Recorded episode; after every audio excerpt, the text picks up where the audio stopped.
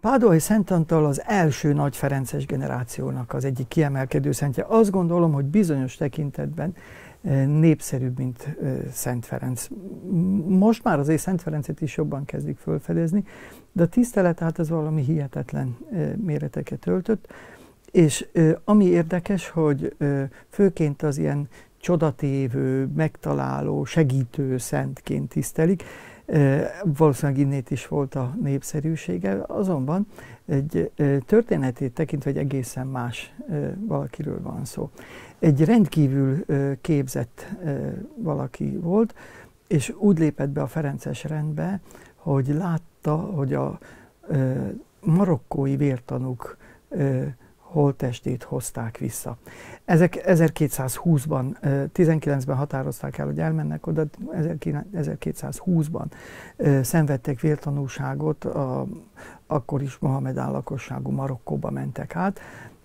Hát eléggé, hogy kell ezt mondani, olyan naívan próbáltak téríteni, és persze hát ennek aztán vértanúság lett a vége.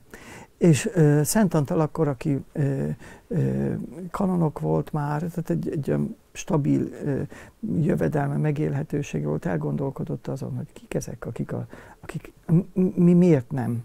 Tehát, hogy ez egy, mindig, mindig egy nagy kérdés az embernek, hogy amikor lát valakit, egy, egy olyan életet élő embert, vagy egy adott életet, akkor azt mondja, hogy most akkor, akkor mi miért nem, vagy én miért nem vagy akkor én mit csinálok. És ennek a hatására lépett be a kisebb testvérek rendjébe, Szent Ferenc rendjébe. 1221-ben ott tudjuk, hogy jelen volt az egyik jelentős rendi káptalanon is, és hosszú-hosszú ideig nem lehetett róla tudni, hogy ki ez az ember. Laikus testvérként mosogatott, és, és hát úgy élt. És az egyik alkalommal papszentelésre készültek a kolostorban, és akkor egymás után mondták vissza a prédikációt a nagy szónokok. Vagy legalábbis azokat, akiket annak tartottak. És akkor azt mondják, itt van, ha, ha valakinek le kell légni nagyon, nem számít, akkor majd itt van az Antal testvér, hát égjen le ő úgyis hát ugye ilyen szerény házi munkát végez, meg alig lehet a szavát is hallani, és hát akkor hát mindenkinek leesett az álla, hogy, hogy hogy tudott prédikálni, és attól kezdve elindult ezen az úton. Na most van még egy nagyon érdekes dolog az, az életében aztán, amit megint kevesen tudnak, az az, hogy, hogy miután ezt a, a az a, ugye, hát népnyelvű prédikáció, a, egy ilyen prédikációs körutak ö, megtétele, ami, ami, ami nagyon jellemző volt rá. Ö, Szóval, hogy ezen felül a prédikációt is összegyűjtötte. Ezek azért inkább ilyen vázlatok, nem biztos, hogy könnyen olvasható vagy érthetőek lennének ezek ma, de ő, ő az, aki megalapít, akit Szent Ferenc megbízza az első rendi teológiai stúdiumnak a megalapításával. Ez egy nagyon érdekes folyamat volt, mert 1219-ben, amikor Szent Ferenc kiment a Szentföldre, akkor a távol létében Bolonyában építettek egy stúdiumházat, és ott elkezdték a skolasztika módszerei szerint tanítani a teológiát. Hát ez Szent Ferencnek annyira nem tetszett, hogy azt a provinciálist, aki a bolonyai provinciális Pietro di Stacciát, hát egyszerűen megátkozta. És az szétzavarta az egészet, hogy ezt így nem lehet csinálni. De tulajdonképpen, hogy ezt lehet, lehet, lehet ezt így másútt is tanulni, ahhoz nem kell nekünk lenni. És akkor ez történik az 1220-as, 21-22-ben. És akkor utána megszületik az a levél, amivel megbízza Szent Ferenc Szent Antalt a teológia tanításával. Nagyon rövid levél, és pontosan a képzettsége, meg arra való hivatkozásra, hogy ugye kanonok volt, így szólítja meg Szent Ferenc, hogy Antal testvérnek az én püspökömnek. És ennyi a levél, hogy megelégedésemre szolgál, hogy a Szent Teológiából előadásokat tartasz a testvéreknek. Vigyázni kell azonban, hogy ahogy regulánk is írja, ekközben ki ne oltsák az imádság és az áhítat szellemét. És ez jól mutatja, hogy Szent Antalnak miben rejlett a, az ereje, a, a, a, a nem is tudom, népszerűsége, vagy, vagy, vagy szóval ami, ami megragadta az embereket, pontosan az, hogy, hogy az, amit mondott, az nem egy skolasztikus okoskodás, nem valamiféle elvont e, e, diskurzív gondolkodás volt, hanem egy imádságból táplálkozó teológia. Na most ez volt aztán az, amit Szent Ferenc is értékelt, észrevett, és azután a, hát hogy mondjam, ezt tette meg a Ferences teológia mintájának.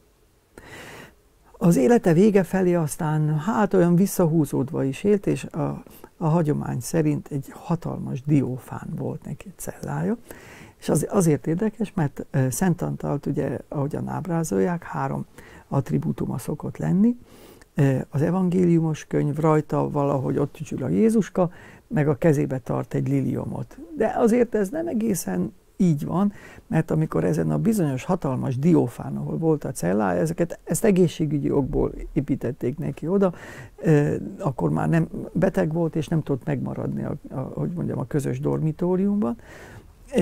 És akkor hát itt imádkozott éjszaka, és akkor a Szentírás olvasása közben jelent meg neki a szüzanya karjának is Jézussal. És tulajdonképpen ez a, ez a hármas attribútum ezt akarja mondani, hogy a diófán, a Szentírás és a kis Jézus.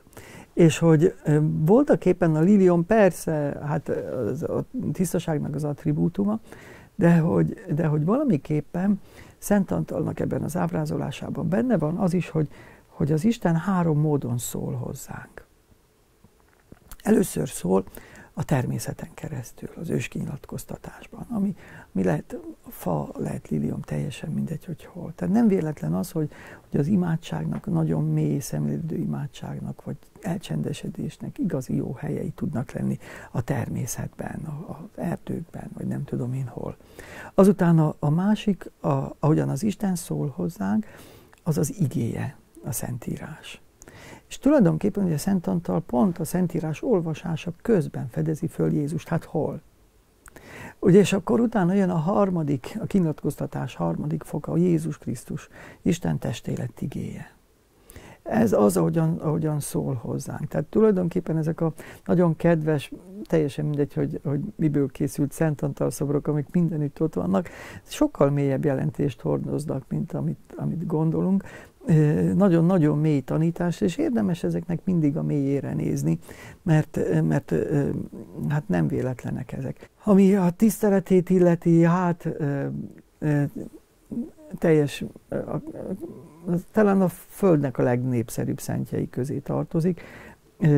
Az egyik legnagyobb, megdöbbentőbb dolog volt a számomra egyszer, hogy a, a Páduában megjelenő Szent Antal hírnök, El Messaggero di San Antonio, rengeteg nyelven jelenik meg, mit tudom hány millió kiadá, példányos kiadásban.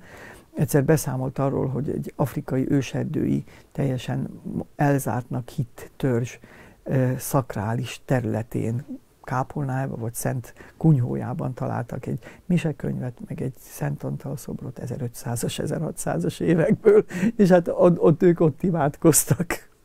Szóval, hogy, hogy ilyenek, is, ilyenek is vannak, és e, hát azután, amit még talán meg kell említenünk, hogy, hogy a, a, a vegyes, tehát ortodox és katolikus lakosságú területeken, tehát például Erdélyben, vagy délvidéken is, vagy Ukrajnában is, az, az ortodoxok között is rendkívül népszerű.